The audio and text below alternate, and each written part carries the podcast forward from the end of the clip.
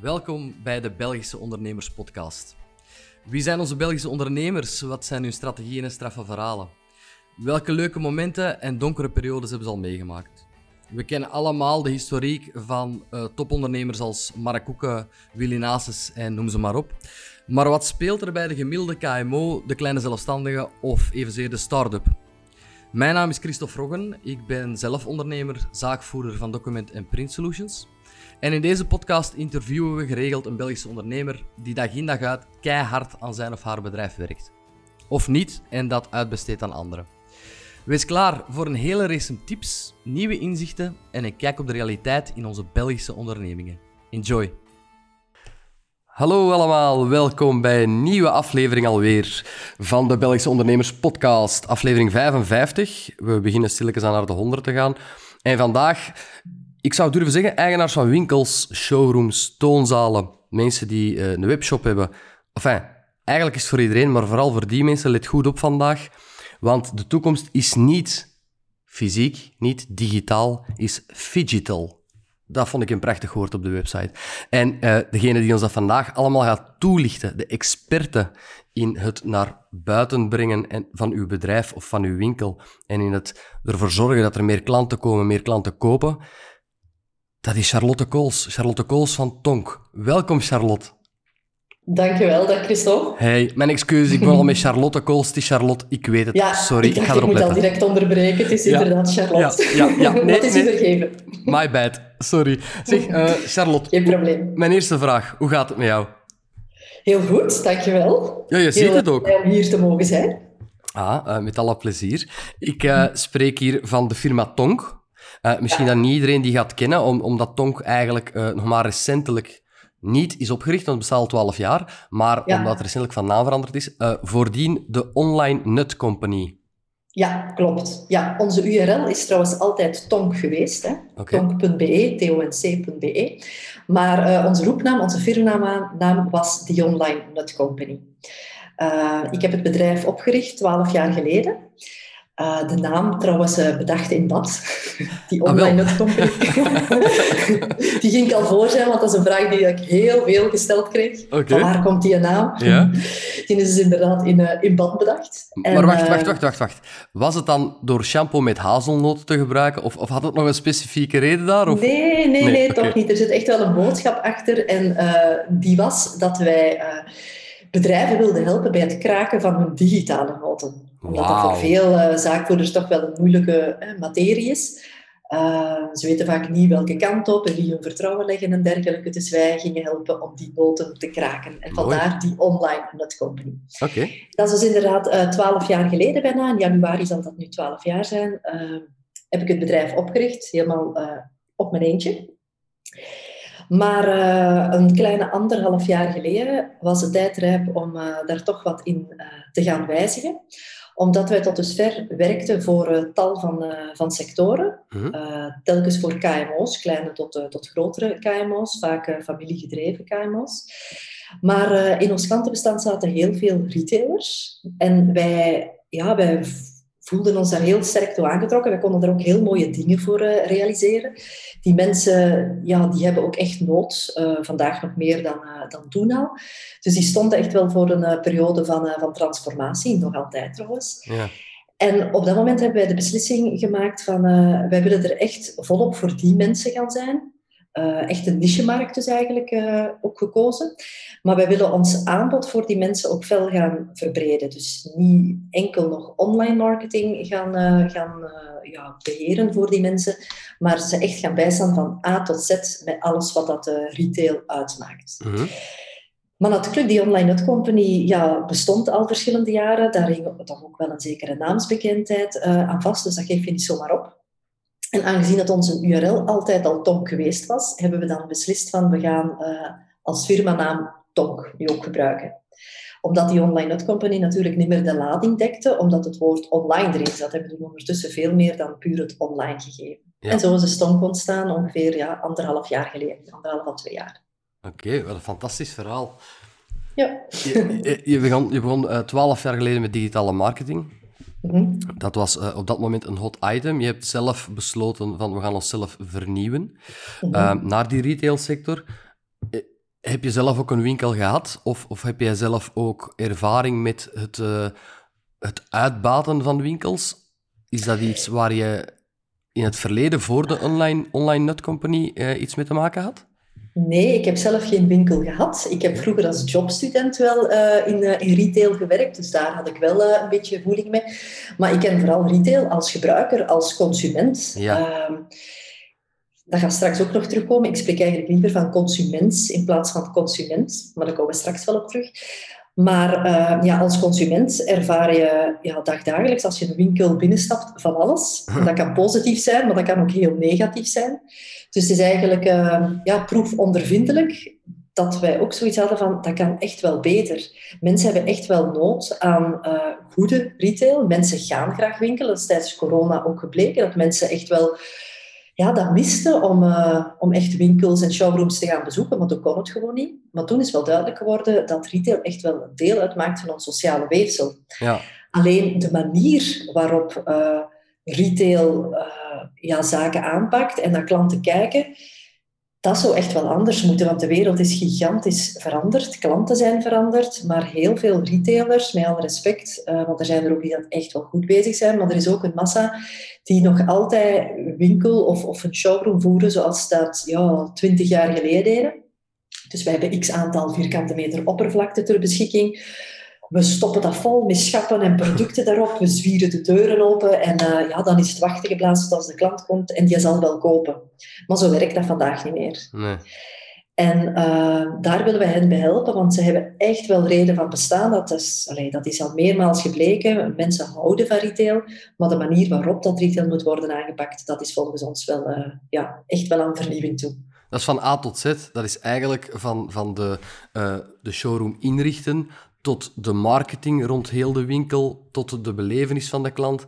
Ja, dat is het volledige pakket dat jullie eigenlijk Het volledige pakket, ja. Dus we beginnen, ja, dat kan beginnen inderdaad met het nadenken over het concept. Ja. Uh, waar dat we dan uh, gaan hebben over, ja, wat wil je dat de klant, en een bezoeker, als eerste te zien krijgt. Uh, hoe wil je dat die door je winkel gaat navigeren? Wat is de indruk dat je wilt nalaten? Hoe wil je gepercipieerd worden? Uh, eigenlijk werken wij rond vier grote thema's. Uh, en wij benoemen die vaak met een K. Allee, de, de, laatste is niet helemaal een K, maar toch. Uh, en wij benoemen dat als kennen, komen, kopen en terugkomen. Dus er zijn ah. retailers die bij ons terechtkomen. Keer keer weer. Ja, voilà. opgelost. opgelost. Opgelost was het maar dan zo gemakkelijk. Sorry, zeg ze nog eens voor alle duidelijkheid. Dus, dus kennen... het gaat over kennen, komen, kopen en terugkomen. Oké. En met uh, kennen bedoelen we dan, ja, er zijn retailers die bij ons terechtkomen en die zeggen, ja, wij worden, wij worden precies vergeten. Uh, wij zijn niet onderscheidend genoeg of zo. Uh, ja, het werkt niet. mensen ja, komen niet tot hier, dat is dan gelijk die tweede K. Maar die komt vaak voort omwille van het feit dat ze onvoldoende gekend zijn. Maar komen heeft dan te maken met ja, te weinig volk dat ze letterlijk over die winkelvloer krijgen. Mhm. Kopen is dan uh, de derde K. En dan gaat dan over, ja, er komen wel mensen, maar die kopen niet. Of die kopen te weinig. Hè, de gemiddelde orderwaarde of het kassaticket uh, is te laag. Dat heeft ook vaak een, uh, een, reden. En dan de laatste K, zoals ik al zei, die begint niet met een K, maar er komt wel een K in voor. Dat is terugkomen. Ja. Dus mensen zijn daar geweest, hebben idealiter gekocht, maar we zien die niet meer, die komen niet meer terug. Ja. dan is er hoogstwaarschijnlijk ook iets misgelopen tijdens de klantenreis, waardoor dat die persoon toch niet terugkomt of toch ook geen andere mensen aanspoort om, uh, om langs te komen. En dat zijn items waar dat wij ons over buigen. Top. Nu, in deze podcast wordt vaak iets van tips gegeven of mensen luisteren om hier en daar iets bij te leren, heel af en toe. Maar mhm. zonder al uw kennis en talenten weg te geven, Charlotte, zijn er per kennen, uh, kennen kunnen komen en keer keer weer laaghangend fruit, quick wins, die je zo kan weergeven van, van als je een winkel hebt, dat zijn de meest gemaakte fouten. En alleen al door dat te tweaken, heb je gewoon een quick win. Is dat er? Of is dat nogal simplistisch ja, uitgelegd ja, ja. van mij? Ja, ik kan daar een heel uitgebreid antwoord op geven, maar er zijn sowieso zaken die je echt als quick win kan gaan inzetten om direct een verschil te maken. Als we bij kennen dan beginnen, wat, dat, eh, wat dat je me vraagt, Eigenlijk is dat simpel, maar misschien is het het moeilijkste van allemaal tegelijkertijd. Uh, want dat gaat over uw identiteit. Mhm. Wij benoemen uw identiteit als zijnde uw unieke smoel. Ah, Oké. En klanten zijn echt wel op zoek naar bedrijven die een unieke smoel hebben. Klanten zijn op zoek naar bedrijven die authentiek zijn, die consistent een verhaal brengen op alle mogelijke manieren. Want trouwens, een klant denkt vandaag ook niet meer in kanalen, hè, zoals... Uh, uh, ik kom via social media binnen, of ik kom via de website binnen, of ik kom fysiek in de winkel. Voor een klant maakt dat niet uit via welke weg dat die bij u terechtkomt. Maar die zou wel ongeacht het kanaal dat hij gebruikt, overal hetzelfde verhaal moeten zien terugkomen. En heel vaak zien we dat dat niet het geval is, dat mensen iets doen op... Uh, alleen met mensen bedoel ik dan de retailer, dat die iets uh, doet op sociale media, maar dat van die inspanningen totaal niks terug te vinden is op de fysieke winkelvloer, ja. bijvoorbeeld. Ja. Dus die unieke smoel van die klant, van onze klant dan, van die retailer, die is niet duidelijk. En heel vaak, allee, iedereen heeft een unieke smoel, daar zijn wij van overtuigd. Maar door de waan van de dag ja, is die soms helemaal naar de achtergrond verdwenen. Dus wij proberen in eerste instantie terug connectie te maken met uh, ja, de drijfveer, een brandend kampvuur noemen we dat ook, waarvoor dat die retailer destijds zijn zaak is opgestart. Hè. Dat, dat, dat is een zekere passie, want anders begint het daar niet aan. Maar wat ik al zei, door de waan van de dag is dat heel vaak ja, verkleind tot een waakvlammetje. En dat waakvlammetje gaan wij terug, uh, ja, terug doen oplaaien tot een, uh, tot een groot kampvuur. En wat betekent dat dan concreet? Dat mensen terug gaan zien, en dan bedoel ik wel effectief de consument, dat die echt terug het verschil gaat zien tussen u en collega's. Want net omdat je geen unieke smoel hebt, heb je voor uw klant ook geen gezicht. En als je geen gezicht hebt, ja, dan worden niet gezien, maar dan worden wel vergeten. En dan kennen ze u dus niet. Dus je unieke smoel is, uh, is, is mega belangrijk in alles wat dat je doet als retailer. Juist. Dus ik noteer bij Kennen een unieke Donald unieke smoel. Ja. Het, is aan, ja, het past... ook een andere muilen zijn, ja, maar... Voilà. Het past niet alleen smoel... het past niet alleen smoel en, en muilen, maar het is ook wel het perfecte voorbeeld, denk ik, nee? Dat is het, ja, dat is het perfecte voorbeeld, want iedereen kent hem. Hij heeft een bepaalde manier van, uh, van zijn. Uh, ja, waardoor dat, uh, dat hij een zekere herkenbaarheid heeft, waar dat je voor bent of je bent daar niet voor. Maar daar gaat het ook niet om, want mensen zijn op zoek naar een unieke smoel die dat past bij hun eigen unieke smoel. Want je kunt ook niet voor iedereen werken. Je wilt ook niet voor iedereen werken. Je hebt sowieso altijd een ideale klant, een ideaal publiek waar dat je ervoor wilt zijn. En die mensen die zijn ook op zoek naar iemand waar dat zij aansluiting bij kunnen vinden. En dat is die unieke smoel. En die moeten we terug boven tafel zien te krijgen. Oké, bekend zijn. Eens dat we die... Ik bedoel dan bij de mensen, bij, bij hun niche. Bekend zijn of gekend zijn voor iets bepaals, waardoor dat je eruit springt. Ja. En waardoor dat mensen echt zeggen, oké, die winkel die staat echt voor, uh, voor X, Y of Z. Okay. Dat heel duidelijk is van, ja, wat doe je eigenlijk? Wat is uw unieke smoel? En eens dat we die dan bepaald hebben, die unieke smoel, dan is het natuurlijk kunst om die unieke smoel te gaan vertalen. Ja, lacht, Ja, ja, ik vind het prachtig. om die unieke smoel te gaan vertalen, visueel. En visueel, daarmee bedoel ik dan, we gaan die vertalen in de manier hoe dat uw showroom eruit ziet, maar ook in de manier waarop dat communicatie gevoerd wordt. Dus dan heeft hem uh, ja, een visuele vertaalslag gehad. En als dat gebeurt is, dan gaan we vervolgens die unieke smoel tot leven brengen. Mhm. En die tot leven brengen, dat doen we door content te gaan maken, die dat heel relevant is voor uw ideaal publiek. En dat doen we dan op alle media, want alles is vandaag media. Of dat dan nu online is of offline of in-store, dat speelt, geen, eh, dat speelt geen, totaal geen rol. Ook uw verkopers bijvoorbeeld, dat is ook een onderdeel van uw media. En iedereen en overal moet die unieke smoel alle tijden kunnen, kunnen voelen, horen, ruiken, proeven, zintuigelijk inderdaad kunnen weernemen of waarnemen. Oké, dat, is, dat is een hele dus mooie dat is, het, uh, dat is het kennenverhaal. Ja, ja, voilà, voilà. Dat is alleen nog maar de kennen. Hè? Ik wou het juist zeggen, waar gaat het dan naar kunnen? Naar komen. We Sorry, gaan van kennen naar komen. Naar komen. Naar komen. Ja. Komen heeft dus te maken met het vraagstuk van ja, we krijgen hier te weinig uh, mensen over de vloer. Dat kan uh, absoluut te maken hebben met het feit dat ze dus niet voldoende gekend zijn, dat ze niet onderscheidend genoeg zijn.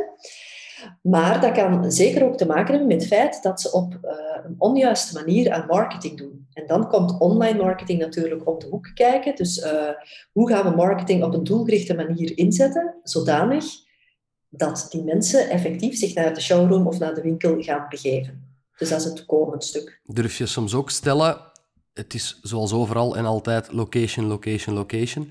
Durf je of heb je al eens moeten zeggen van, je zit gewoon echt op de foute locatie? Of... Ja, absoluut.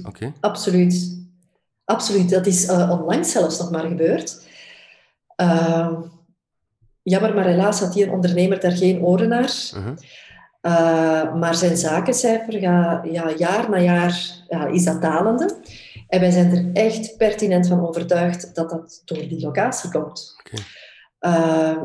Jaren geleden, dan spreek ik echt over 35 jaar geleden, want zo lang uh, zit hij daar al, ja, was dat een schitterende locatie. Maar ondertussen uh, is dat een verloederde buurt geworden, waar dat hij nog altijd een luxe product voert. Ja. En mensen verwachten zo'n type winkel niet in die buurt.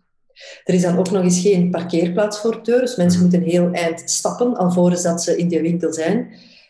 Ja, en dat, is, dat, dat speelt allemaal in hun nadeel. Mensen zoeken vandaag naar beleving, enerzijds, maar zeker en vast ook naar gemak. Mhm. En een gemak van parkeren is echt niet te onderschatten. Dat heeft veel met Locatie. te maken. Ja, absoluut. Oké. Ja. Dus, dat heeft, eh, dus dat valt eigenlijk allemaal onder dat luik komen.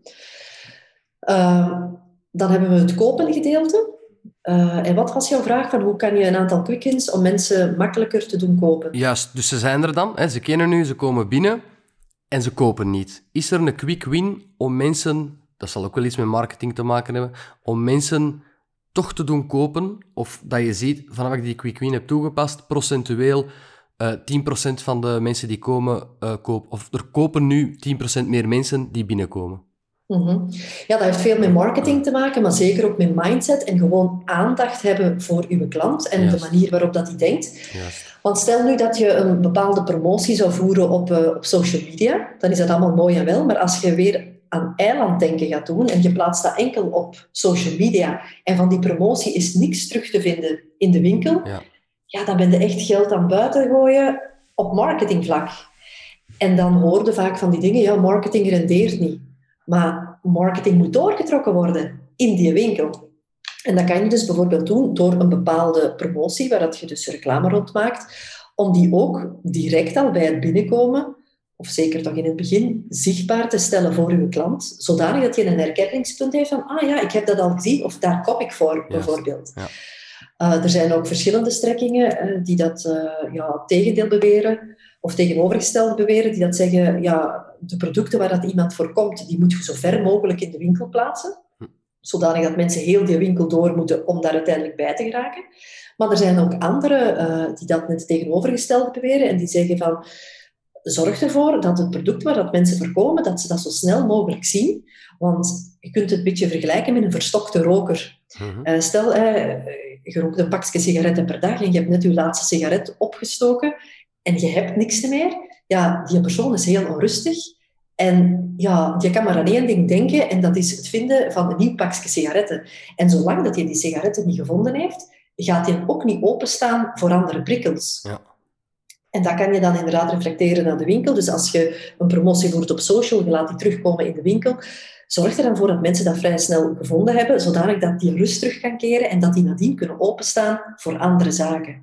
Okay.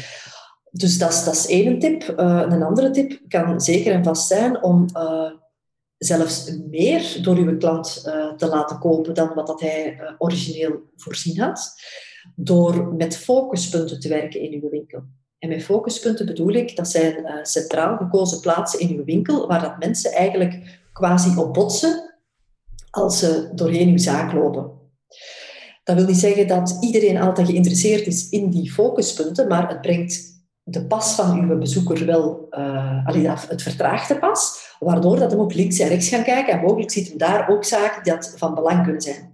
Maar op dat focuspunt bijvoorbeeld kan je aan, uh, aan upselling of aan cross-selling gaan doen. En ik gebruik daar uh, graag een voorbeeldje uit de, uit het, de, de groenwereld, zal ik het noemen, of van de tuincentra.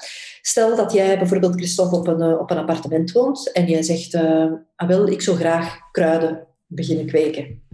En ik heb hier een klein balkonnetje op mijn, uh, op mijn uh, appartement. En ik ga naar het tuincentrum en ik ga ja, naar, de, tuin, naar de afdeling waar ik die kruiden kan vinden. Ja, dan kun je enerzijds die kruiden kopen en naar de kassa gaan en gaan afrekenen.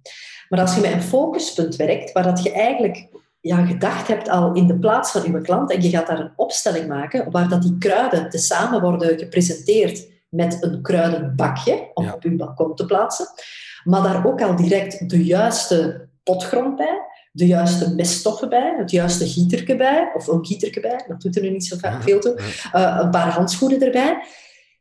Ja, dat, dat stimuleert ook weer dat gemak voor uw, voor uw klant.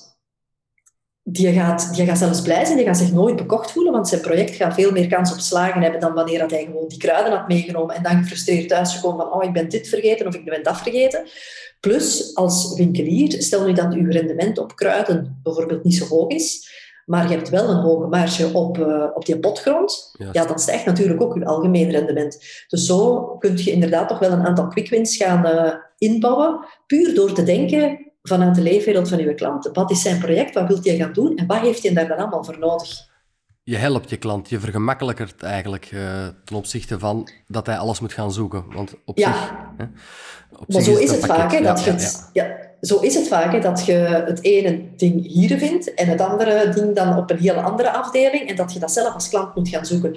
Terwijl dat wij met Tonk echt de klant en zijn behoeften centraal willen stellen. Ja. Onze missie bestaat er ook in om te zorgen voor, uh, wij noemen dat zelf happy consumers. Dus ja, het woord zegt het zelf, tevreden klanten. En tevreden klanten, ja, dat zijn mensen ja, die vaker komen, die meer kopen, maar die dat ook vaker terugkomen of, of meer stoeven. Mhm. En daar moet je natuurlijk toe komen. En dan is uw klant gelukkig, maar als uw klant gelukkig is, dan ben je zelf als winkelier of showroom-eigenaar ook gelukkig, want dan gaat dat rendement er ook zijn. Heel leuk, bedankt voor die tips. Dat is inderdaad... Eigenlijk is dat niet veel moeite, met alle respect, om die kleine dingen toe te passen. Hè? Als je daar even over nadenkt en bij stilstaat, het zal veel uitgebreider gaan. Het is ook belangrijk dat je niet zegt voor wat is het, maar dat je je klant echt beleeft en correct bijstaat. Hè? Dat de mensen graag naar u komen. Um, het, het, het gegeven van stapt jij gewoon een winkel binnen, ga je shoppen en ga je daarna naar de eigenaar om te zeggen, hoe, hier moet een het ander veranderen. Of uh, contacteren de mensen jullie zelf en gaan jullie een soort van mystery shopping doen? Hoe gaat dat juist in zijn werk? Beide zaken gebeuren. Dus er zijn uh, klanten die dan bij ons terechtkomen omwille van een van die problematieken die ik daarnet zei.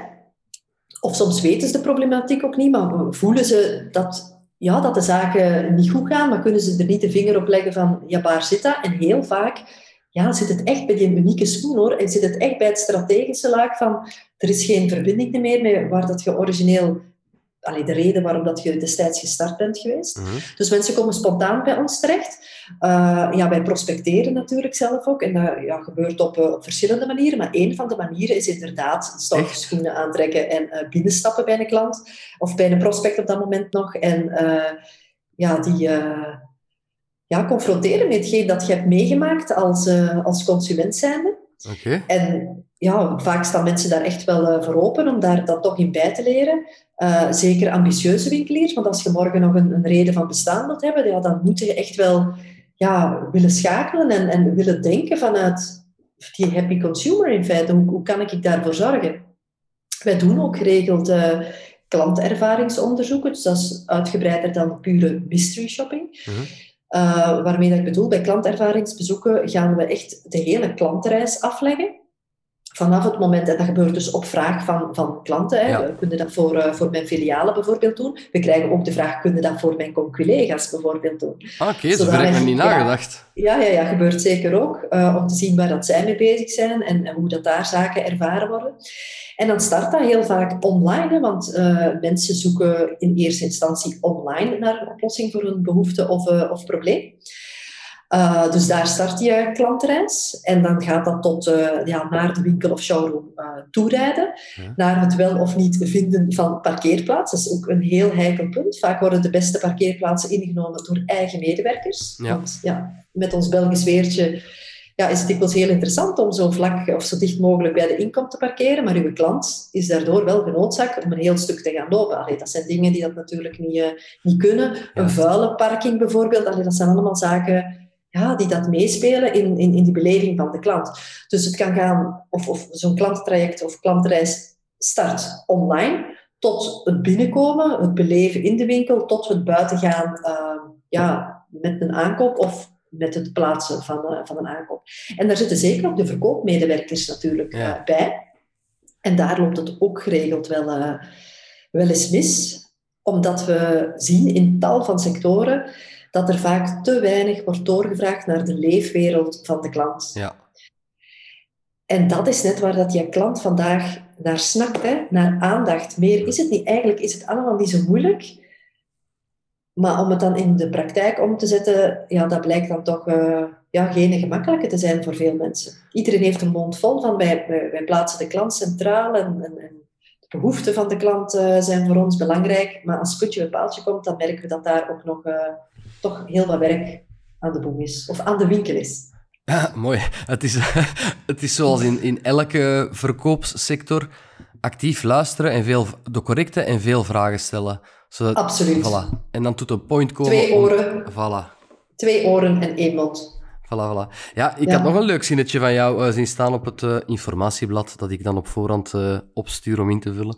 Ja. Zijn de in veel winkels liever hielen dan tenen? Ja, ehm, dat gebeurt helaas. En nogmaals, zeker niet bij elke retailer. Maar het gebeurt echt wel dat je in een winkel binnenkomt en ja, dat je echt het gevoel krijgt als consument van ze zien hier liever mijn ah, hielen dan mijn tenen. uh, precies, dat je niet welkom bent of, of toch het gevoel hebt van niet welkom te zijn of te storen, waar dat uh, medewerkers onder rondjes voeren, waar dat ze zelfs niet opmerken dat je als klant binnenkomt. Terwijl dat ik dan denk, man, in een winkelstraat is dat natuurlijk anders, maar heel veel winkels liggen niet in een winkelstraat. En dan moet u toch wel bedenken dat mensen heel bewust in hun wagen zijn gestapt om naar uw zaak te komen toegereden. Ja. Hoe behandelde die dan? Als een koning, ik, ik, ik, Dat zou toch moeten? Ik vergelijk dat dikwijls als een koning. Ik vergelijk het graag met een gast. Als je thuis gasten over de vloer krijgt, hoe gedraag je je daar tegenover? Ja, ik zou het toch als een koning doen dan, want dat is geen goede referentie bij ons. nee hoor, ik snap het. Ik begrijp het helemaal. Je bent uitnodigend en warm en, en welkom. Gastvrij, ja, ja wij noemen dat vooral gastvrij. Mensen echt het gevoel geven van welkom te zijn, van oprecht, authentiek uh, ja, naar hen te willen luisteren en, en proberen een zo goed mogelijke oplossing te vinden voor, voor hun behoefte of probleem. Daar gaan verkopen om. Hè. Klanten helpen bij het nemen van de juiste beslissing Absoluut. voor hen. Dat is een, een, een hele dunne lijn, is voor mij... Ik, wij hebben zelf een, een webshop uh, voor sensorisch en educatief speelgoed. Wij hebben nu een pop-up shop gewonnen uh, in Puurs. Dus wij hebben vier maanden een pop-up shop. Ik sta er af en toe mee in. En mm -hmm. ik vertel dat nu omdat ik uit ervaring spreek. Een hele dunne lijn is, mensen komen binnen. Hallo, goedemiddag, welkom.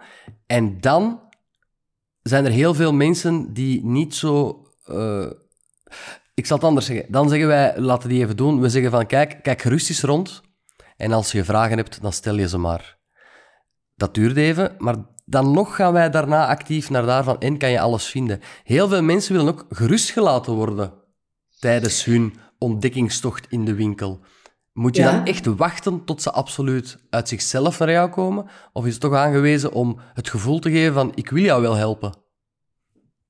Ja, ik denk dat dat ook weer met gastvrijheid te maken heeft. En gastvrijheid wil zeggen dat je een ander niet gaat behandelen zoals jij zelf wilt behandeld worden, Klopt. maar zoals die persoon wil behandeld worden.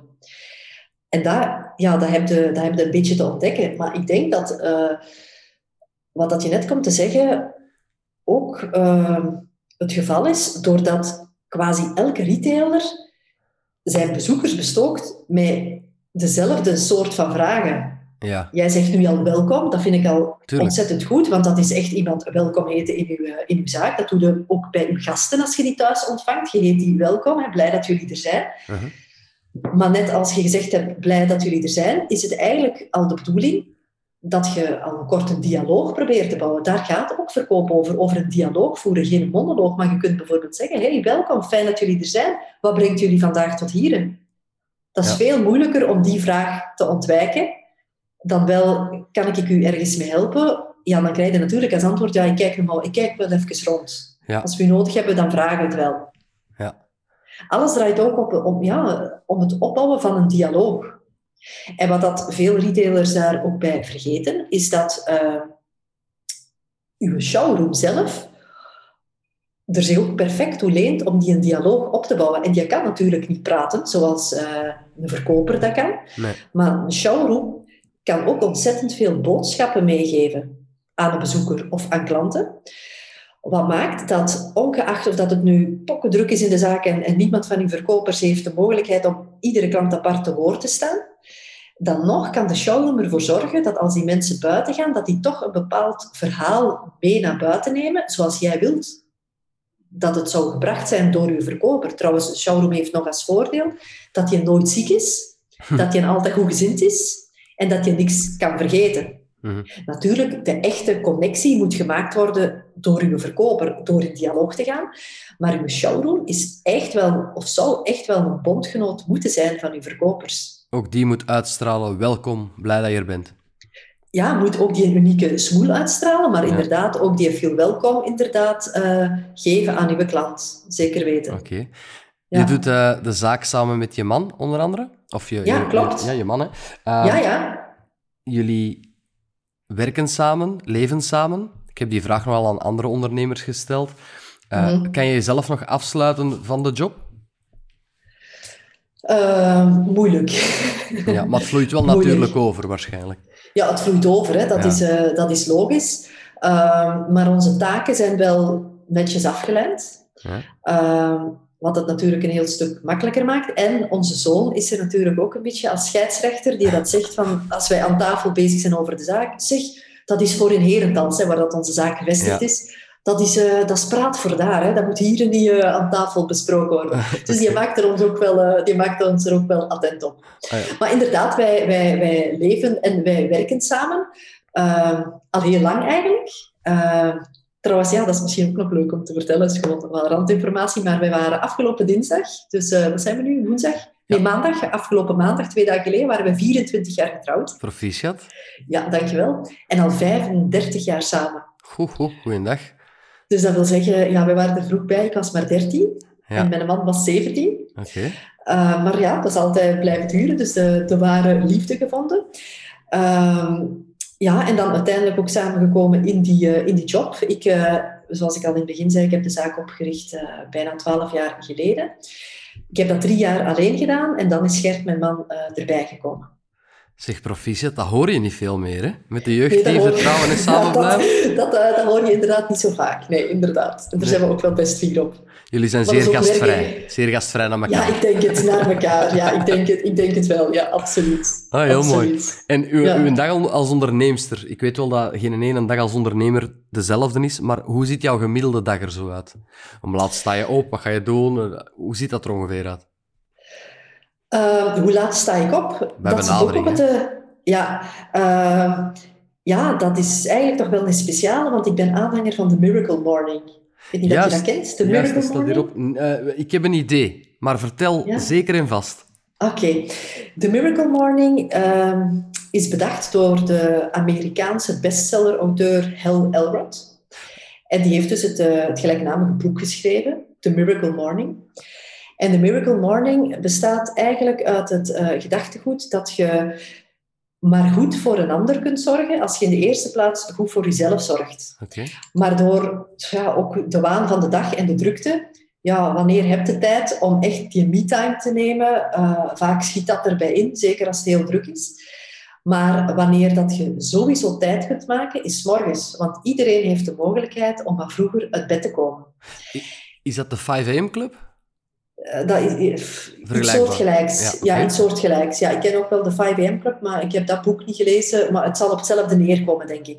Uh, Hal, El Hal Elrod liever, uh, heeft een uh, methodologie bedacht. Hij noemt dat de savers. En elke letter staat voor iets bepaals. Hè. De S staat voor silence of meditatie. De A voor affirmaties, dus positieve bewoordingen tegen jezelf zeggen. De V voor visualisatie, dus je dag uh, in gedachten ja, vormgeven en je ziet u allemaal uh, al die zaken goed doen. Uh, dan zitten we aan de E, dat staat voor uh, exercise, dus toch wel sporten, uh, s morgens vroeg. Ja. Zodanig dat dat ook gepasseerd is en dat doet je bloedstromen en ja, je bent een heel ander mens. De R staat voor reading, dus lezen. Uh, dat kan over van alles gaan, hè. boeken over persoonlijke ontwikkeling of een roman of gelijk wat, maar echt de tijd nemen om voor jezelf een aantal bladzijden te lezen. Je zit nog niet aan de S en dat klinkt al als een hele drukke morgen. Ja, maar het werkt zo verslavend. Eh, dat is... Ja, je moet dat zelf doen om, om te snappen uh, hoeveel energie dat, dat geeft. Oké, wacht. De S. De S staat eigenlijk voor uh, writing. Maar, oh, sorry. De ja, dan klopt de... Nee, nee, je hebt gelijk hoor. Ah, het is de S. Maar de, uh, de, wees, de S staat eigenlijk voor writing, maar ja, dat klopte dat woord niet, want hij wilde savers bouwen. Dus hij heeft die W vervangen door een S en die S staat voor scribing.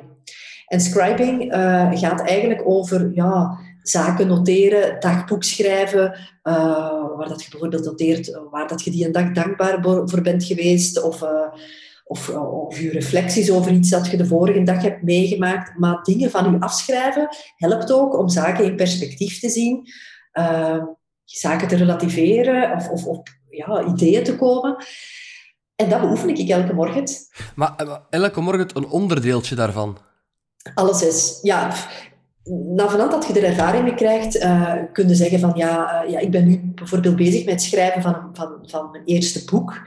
En heel veel van, uh, van de tijd s morgens gaat u naar het schrijven.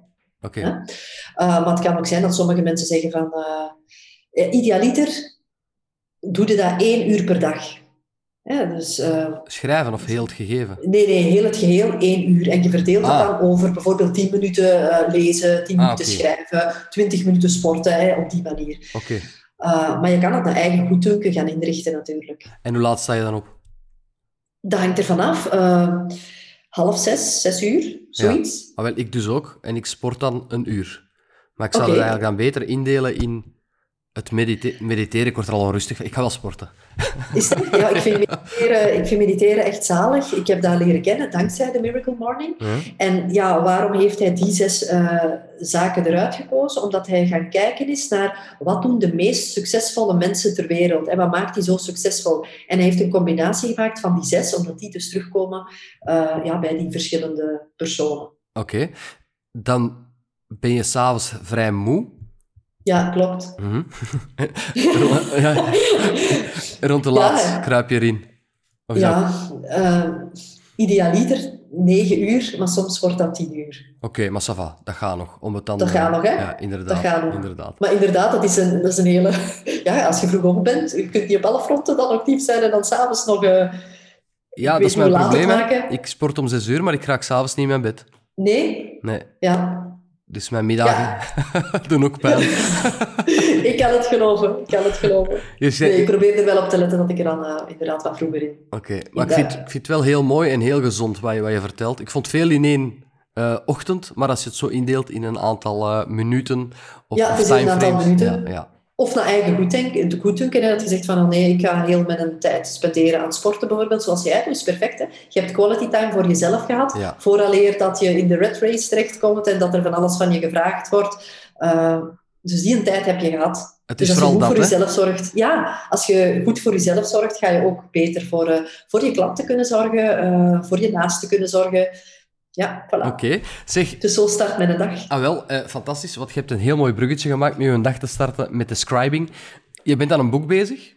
Ja, klopt. Ik hoop dat dat een boek is over uh, hetgeen waar je effectief mee bezig bent met Tonk. Of is dat iets totaal anders? Nee, nee, nee. nee, nee. Ah, het, ja, gaat okay. wel degelijk over, het gaat wel degelijk over retail. Ja, absoluut. Vertel. ja, uh, ja, ik ben dus een boek aan het schrijven en ik hoop dat het, uh, het, het zit in de finale fase, wat mijn uh, werk betreft toch, maar dan moet het nog naar uitgeverijen, naar proeflezers en dergelijke gaan. Dus ik hoop dat we ergens rond uh, Pasen volgend jaar kunnen gaan lanceren. En het is een, een boek gericht naar de retailer, dus naar eigenaars van winkels, showrooms en toonzalen, onze doelgroep. Um, het gaat over toekomstbestendig maken van uw zaak door aandacht te geven aan uw klant en aan zijn behoeften. En dus daar komt het eigenlijk op neer. Je hebt nog geen titel, had ik verstaan. Nee, ik heb een werktitel, maar uh, ja, die verandert constant. Om, daarom is het net uh, een werktitel. Dus nee, de eigenlijke titel is er nog niet. Ik heb me laten vertellen door mijn schrijfcoach dat de titel het allerlaatste is waarover dat we gaan nadenken. Dus nee, de titel is er nog niet. Dat is meestal zo. En mag je de werktitel weten? Ja, die, die verandert, ik zeg het, die verandert de constant. laatste versie? op dit moment is het denk ik de toekomst van je winkelshowroom of toonzaal verzekerd. Oké. Maar zeg het, hij verandert constant. Het moet iets met smoel zijn, hè? of met muilen. Het moet toch iets met... met je hebt nu zo, al zo vaak gezegd uh, van die smoel. Ja, maar dan zegt mijn schrijfcoach, ja, maar die unieke smoel, uh, dat is de methodologie, daarmee start alles, ik snap het helemaal, maar uh, mensen kopen daarvoor het boek niet. Zij is ervan overtuigd dat mensen het boek kopen omdat ze meer omzet willen draaien, omdat ze meer klanten willen hebben. Ik weet het niet. Ja, daar moet ik ook over nadenken. Ik ben normaal meer aan rem dan dit. Maar ja, ik ben moe, ik sta om zes uur op. Ah, voilà, zien. nee, dat is wel proficiat met dat boek. En uh, laat ons zeker weten wanneer het, uh, wanneer het uitkomt. Dat ga ik zeker doen. Uh, je hebt iets in jou van... Ik ga altijd voor mijn job en ik, ik ben heel hard bezig met mijn job, zowel in privé als in, uiteraard, overdag het zakelijke. Maar... Mm Geniet je ook nog tussendoor van even afwezig te zijn? Durf je vakantie nemen? Uh, doe je dingen om te ontspannen, los van de Miracle ja, Morning? Tuurlijk, tuurlijk wel. Tuurlijk wel. Ja, ja, anders blijft het niet duren. Hè? Ja, oké. ja. Ik net al zei, goed voor jezelf zorgen maakt dat je ook goed voor een ander kunt zorgen. Uh, ja, ik ben eigenlijk uh, een echte levensgenieter. Goed zo. op, op tal van vlakken wining en dining is zeker aan, uh, aan mij besteed, ook aan mijn partner trouwens. Alleen heel het gezin. Houdt van lekker eten, houdt van lekker eten en drinken, dus dat doen we ook uh, geregeld. Daar kunnen we echt van genieten. Maar ook uh, wandelen in de natuur vind ik fantastisch. Ik ben terug, terug beginnen joggen. Ik heb ooit 17 kilometer gelopen, maar dat is lang vervlogen tijd. Ik ben nu terug met Start to Run begonnen en loop toch al terug ja, 7 kilometer ondertussen. Dus dat begint er al terug op te lijken. Ja. Ehm, dus ja, we doen wel, uh, wel wat reizen, zeker ook. Uh, ja, we reizen zelfs heel graag. Uh, is dat misschien, wat dat is misschien op in te pikken, je reist graag, je reist veel. Is mhm. dat iets waar je je bedrijf naar ziet uitbreiden, het buitenland, om ook daar het structureel en het operationeel toe te passen? Ja, daar dromen we, daar dromen we zeker wel van. Ja? Ehm, we zouden graag de referentie worden voor, uh, voor retailers, voor al wat retail aanbelangt. Uh op dit moment zit de focus ja, sowieso nog op Vlaanderen. Ehm, maar we hebben een partner uh, aangetrokken aan boord, dat is Bob Toulier. En Bob Toulier, die is trouwens perfect tweetalig, Frans dan. en Bob is jarenlang actief geweest binnen IKEA, België. Is, uh, is daar uiteindelijk uh, na twaalf jaar uh, vertrokken als de sales manager voor IKEA België. Is ook de CEO geweest verschillende jaren van Casa, de ah, ja? Casa. Ja. En ook verschillende jaren de CEO van O'Green, vroeger Intratuin. Ja, Intratuin ken ik al. Ja. Ja, dus uh, ja, met hem is er ook heel veel uh, ja, retailkennis natuurlijk aan boord gekomen, wat ook nodig was. Hè, want uh, zoals ik in het begin al zei, ja, wij zijn opgesteld als een full-service online marketing bureau. Hè, zijn de die online nut company. Maar als je ja, de klanten of die retailers wil gaan ontzorgen op, op, op al die andere vlakken, dan was er meer kennis aan boord nodig. Je hebt het dus gevonden in de vorm van, van Bob als partner, die met hem natuurlijk een heel netwerk ook meebrengt van, van retail-experten, retail-designers en, en zo meer. Hij is tweetalig, dus Frans lonkt zeker al. Maar hij is met een, uh, een Zweedse getrouwd, spreekt thuis Engels. Ik ben zelf eigenlijk vertaler-tolk van opleiding. Ik heb Duits-Engels ook gestudeerd. Dus andere talen zitten er zeker wel in. En daar dromen we inderdaad ook wel van om, om op lange termijn ja, die landsgrenzen toch ook te overstijgen. En denk je dan eerst aan, aan de Benelux of, of eerder gewoon direct Europees? Zijn er bepaalde landen die je voorkeur genieten om, om naartoe te groeien? Um, ja, nog niet zo concreet, maar omwille van uh, ja, mijn kennis van het, uh, van het Duits, het Engels, hè, wat dat uh, binnen het bedrijf iedereen wel spreekt, uh, Bob dan met zijn Frans, ja, denk ik inderdaad eerst de, de, omliggende, de omliggende landen. Absoluut, maar het staat nog niet in stevig nee. dus we zullen zien waar dat het ons allemaal brengt. Hè. Wat zijn de ambities nu op korte termijn? Want dat is iets voor binnen, als ik het goed begrijp, correct me if I'm wrong, binnen de vijf jaar, tien jaar ambitie is uitbreiden naar het buitenland. Mm Korte termijn, wat, wat zou je nu de komende twee tot drie jaar als ambitie graag waar te maken? Uh, ja, wat ik al zei, de referentie worden hier in, uh, in Vlaanderen voor winkeliers en, uh, en showroom-eigenaars. Zodanig dat ze echt zoiets hebben van, ja, als je echt een sidekick nodig hebt voor gelijk wat om, ja, om iets aan te pakken binnen uw retailomgeving, dan moet je bij Tonk zijn. Dus de retailers die nu niet bij jullie zitten, geen klant zijn, dat heeft dan te maken met kennen en komen. Uh, Sorry. Ja, klopt, klopt, klopt. Maar je bent ermee bezig, hè? Er is een podcast. Ja, ja, we, zijn, voilà, we zijn ermee bezig, Christophe. Ja, sowieso. En ja, zo zijn we in het begin ook gestart. Uh, dit is, dit, is, uh, dit is een nieuwe wending voor ons. Hè. We bestaan twaalf jaar, maar wij hebben voor tal van sectoren gewerkt en deden uitsluitend uh, online en een stukje offline marketing. Maar nu is heel die wereld van in-store marketing uh, erbij gekomen. Die hadden we perfect als een puzzelstuk hebben doen aansluiten, waar we ook ja, heel mooie methodologieën voor ontwikkeld hebben nu. En nu is het kunst om aan de juiste tafels te raken en dat verhaal inderdaad wereldkundig te maken. En daarom dat ik hier vandaag ben. Ja, ja goed zo. En hoe, hoe probeer je dat nog? Gaan jullie netwerken bijvoorbeeld? Zitten jullie in bepaalde netwerken? Ja, absoluut. Dus uh, ja, wij netwerken ook. Uh, bijvoorbeeld bij BNI ben ik aangesloten. Ja, lang uh, lid geweest. Ja, is waar? Ja. ja. bij BNI bijvoorbeeld ehm, ja, er zijn er tal van. VOCA, Uniso zijn wij uh, bij aangesloten. Uh, ik heb ook een eigen platform uh, waar dat je er straks maar over aansprak, maar dat was voordat ons gesprek hier plaatsvond, de Marketonk Academy. Dus ik heb een eigen YouTube-kanaal waar dat ik geregeld retail-experten interview. En ja, daarmee gaan we dan natuurlijk ook adverteren op social media. LinkedIn zet ik heel frequent in om, om contacten te leggen met, met mensen. We doen ook aan cold calling, ikzelf, maar ook een bureau dat voor ons werkt. Uh, dus ja, lead generation, ja, zijn ja. We, dat, is, dat, is, onze habitat. Hè? Uh, ja, absoluut. Via alle mogelijke kanalen. Ik kan trouwens... Via alle de, mogelijke de, kanalen. Voilà. De uh, interviews die jij doet, die kan ik wel mm. aanraden aan de luisteraars, want daar zijn wel een heel een aantal interessante gesprekken bij, die je gewoon Dank op YouTube kan vinden. Hè? Ja, die kan je gewoon op, op YouTube vinden. Ja, of op jullie website. En op de website ook, ja, klopt. ja langs daar uh, zijn die ook te bekijken. Ja, Zeker. Ik vond trouwens een hele mooie en duidelijke website die jullie daar hebben. Dank u. Daar hebben we ook ons best voor gedaan. Ja, ja dat is duidelijk. dat is duidelijk.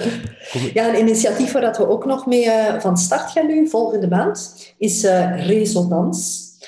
En uh, Resonans is een, dat is een onderdeel van TONG, dus een, een apart initiatief, zoals ik al zei, waar dat wij de bedoeling hebben om echt een klankbordgroep te gaan initiëren voor en door ambitieuze retailers mhm. die uh, van elkaar willen leren, uh, die snappen dat de toekomst ja, gericht is op samenwerken en die ja, bereid zijn om hun successen te delen, maar ook uh, hun tegenslagen, tegenslagen, hun uitdagingen omdat we uiteindelijk allemaal in hetzelfde schuitje zitten. En wat dat de ene vandaag meemaakt of opstoot, heeft een andere misschien al meegemaakt. En het typeert een Vlaming dat je ja, alles zelf probeert op te lossen en, en, en weinig deelt. Terwijl dat je zoveel sterker kunt zijn en zoveel snellere stappen kunt maken als je ja, kennis gaat, gaat delen en openstelt voor ervaringen van anderen. Dus we doen dat in heel besloten uh, kring, op uitnodiging ook. Uh, we doen dat voor... Uh, allee, uh, voor uh, allee, één iemand per beroepscategorie, zal ik zeggen, zodanig dat er echt vrij uit kan gesproken worden. Maar eigenlijk is de bedoeling dat de aanwezigen... Allee, we gaan één case naar voren brengen. Um, en de aanwezige deelnemers vormen eigenlijk uw klankbord, eigenlijk uw externe adviesraad. Yes. Uh, we merken dat daar heel veel uh, vraag naar is, omdat iedereen in zijn eigen wereldje zit en daar echt wel nood aan heeft om ja, te sparren met anderen. Maar vaak lukt dat dan niet als dat met mensen is uit dezelfde sector, omdat dat toch een beetje, ja, toch altijd ja, ja. concurrentie is en uh, we gaan niet te veel zeggen. Maar als dat met gelijkgestemde mensen is die dat uit andere sectoren komen, ja, kan dat echt wel voor een nieuwe wind uh, zorgen, maar ook voor een nieuwe kijk op zaken, omdat je vaak zelf een, ja, een tunnelvisie hebt. Uh, dus dat gaan we nu uh, initiëren, resonans, dus laten resoneren. Uh, gaat ook eindigen met een adviesverslag, waar dat, ja, je bij grote bureaus toch wel ettelijke duizenden euro's voor uh, neertelt. Gaat elke deelnemer zo'n adviesverslag meekrijgen. En dat gaan we drie keer op een jaar doen. Dus een vaste groep van mensen die, zich, allee, die elkaar regelmatig gaan terugzien om elkaar beter te maken. En hoe kunnen mensen daarop uitgenodigd worden? Want ik neem aan dat je dat dan niet gaat broadcasten of zo. Nee, ik ga dat inderdaad niet broadcasten. Dat is inderdaad door uh, in gesprek te gaan met mensen, met prospecten, uh, zaken waar ik over de vloer kom en waar dat ik echt zie van, dat zijn echt mensen die ambitieus zijn, die vooruit willen. Uh, ja, die dat morgen ook nog relevant willen zijn ja. en bestaansreden willen hebben. Dat is echt wel een belangrijke. Het, het willen, het willen zien. Ja, het willen, willen bijleren en eh, openstaan voor, voor positieve kritiek. Absoluut, absoluut. Enkel zo kan je groeien. Hè? Ja, zeker en vast. Ja, en dat doen we dan uh, in de vorm van een residentieel seminarie. Uh, dus met overnachting. Uh, gekoppeld aan een, aan een lekker diner ook, om elkaar een informele sfeer te leren kennen. En dan de overnachting en dan daags nadien dan het seminarie. Oké, okay. ja. wauw. Ja. Dat klinkt wel heel leuk.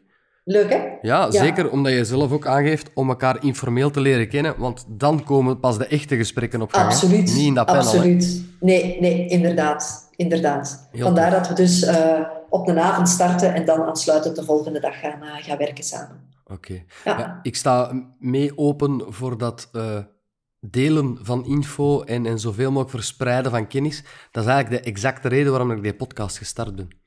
Dat geloof ik, ja. Voilà, om ervoor te zorgen dat wat jij vandaag allemaal vertelt, dat daar, al is het maar één iemand dat daar iets aan heeft, dat nu luistert, ja. dat maakt het zoveel sterker. En, Absoluut. En ik begrijp wel dat bepaalde mensen, concurrenten, niet graag iets, iets bijleren, maar je, wordt, je versterkt enkel zelf door anderen te versterken. Zo simpel. Maar zo is dat. zo is dat. Zo is dat. En concurrentie, ja, wat is concurrentie? Ik ben het gesprek begonnen met te zeggen, een unieke smoel, zelfs al zit je in dezelfde sector.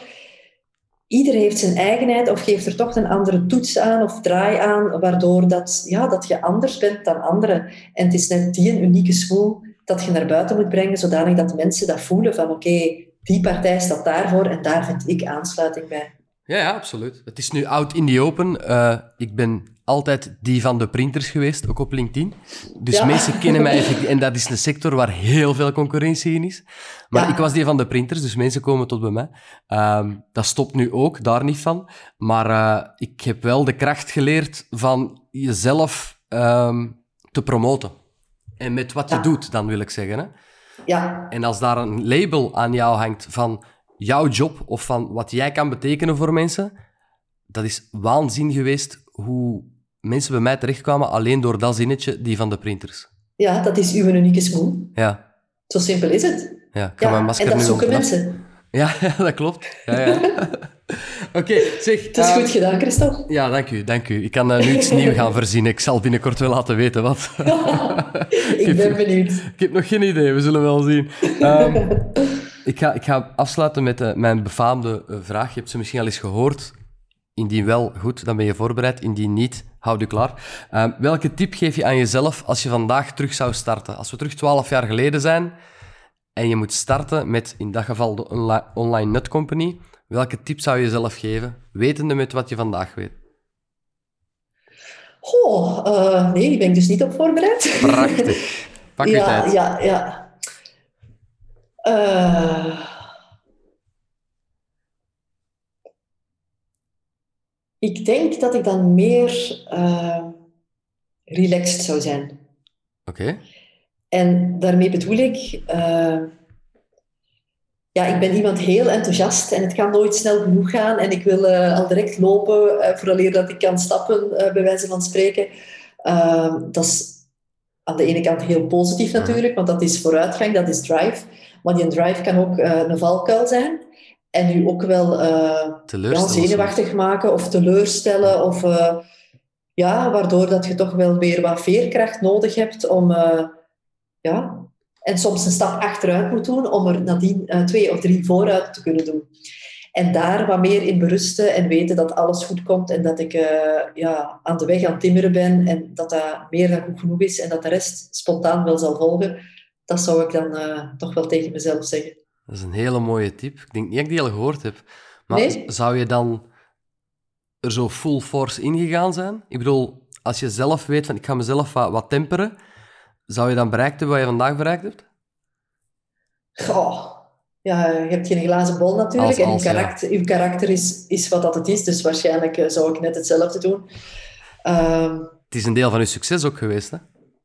Het is een deel van je succes geweest, ja, absoluut. Ik weet wel een hele mooie tip uh, die ik ook weer kan linken aan mezelf. Uh, soms even uh, reculer peu en niet ja, te snel absoluut. gaan. Nee, inderdaad. En soms moet je inderdaad een stap terug doen of zelfs twee stappen terug doen om er nadien ja, verschillende vooruit te kunnen zetten. En dan maakt het het allemaal meer dan waard. Maar op het moment dat je een stap achteruit moet zetten, op gelijk welk vlak dan, ja, dan voelt het natuurlijk niet prettig. Hè? Nee, hè? dat is maar, dan is kunst, maar dan is kunst om daar rustig in te blijven en te denken, ja, dat is gewoon het leven en dat is ook ondernemen. Hè? Je hebt ups en je hebt downs. Uh, een ondernemer heeft ooit, ja, ik ga dat nooit vergeten, een ondernemer heeft ooit tegen mij gezegd, uh, ondernemen, dat is, ja, dat is echt zoals een rollercoaster. Of zoals een achtbaan. Ten ene moment ben je euforisch, want dan zit je daar helemaal bovenaan. En een kwartier later ja, steekt daar beneden te blijten in een hoekje, omdat je denkt, wat is, wat is dat hier? Ja. Maar nadien schiet dat toch wel terug weer naar boven. Alleen niks is, niks is eindig, niks is finaal, niks is definitief. Uh, dus ja, de kalmte bewaren en, en, en gewoon verder timmeren, elke dag opnieuw. En elke dag de juiste stap weer zetten in die richting. En dan kom je er wel, hè? Hele mooie woorden om af te sluiten. Dankjewel, Charlotte. Heb jij het gevoel dat je alles hebt kunnen vertellen wat jou aan de wereld ik wou denk brengen? Het wel. Ik denk het wel. Het was een, een heel gevulde, uh, inforijke podcast in elk geval. Ik ga heel even afscheid nemen van de kijker en luisteraar. Ik ben zo, zo dadelijk bij jou terug. Helemaal goed. Voilà, bedankt om alweer deze aflevering te kijken of te luisteren. En ik hoop dat je heel veel hebt opgestoken van wat Charlotte hier even tentoon heeft gespreid, want er zat uh, boordevol info in deze podcast. Je kan ons altijd volgen op Instagram, uh, Belgische underscore ondernemers. Ik heb daar straks gezien dat er een bureau is van privédetectives dat mij is beginnen volgen. Allee, ik heb daar geen commentaar over, maar ik heb niks gedaan. Um, Facebook, LinkedIn, allemaal Belgische ondernemers. Info at belgischekoppeltekenondernemers.be is het e-mailadres waar je um, positieve kritiek kan naar sturen. Of als je vragen hebt of eens wilt meedoen, de lijst is uh, start pas in 2023 terug, want de rest zit vol. Maar Voel u vrij om altijd een mailtje te sturen. Heb je uh, zaken die je graag wilt bespreken, stuur mij gerust een e-mail. En Charlotte, dank je wel om er zo'n fantastische podcast van te maken. Dank je wel om zoveel Met- info te delen. Met graagte. Absoluut. Ik vond het heel fijn om hier te zijn. Jij hebt al heel veel interviews gegeven, hè? Maar, eh, eh, afgenomen, hè? Sorry, maar je hebt er nog maar weinig gegeven. Ik denk dat dat uw eerste er podcast was. Ja, ja, het is absoluut de eerste podcast. ik, was er Fantastisch best gedaan. wel, eh, ik was er best zenuwachtig voor, maar het is wel meegevallen. Ja, we zijn ongeveer een uurtje verder en ik had jou beloofd dat het zou vliegen. Is het gevlogen? Vond je het leuk eigenlijk? Ik vond het heel leuk en het is effectief voorbij gevlogen. Ah, kijk, dat vind ik ook heel leuk. Eh, dan wil ik jou nogmaals bedanken en eh, aan iedereen tot een volgende keer.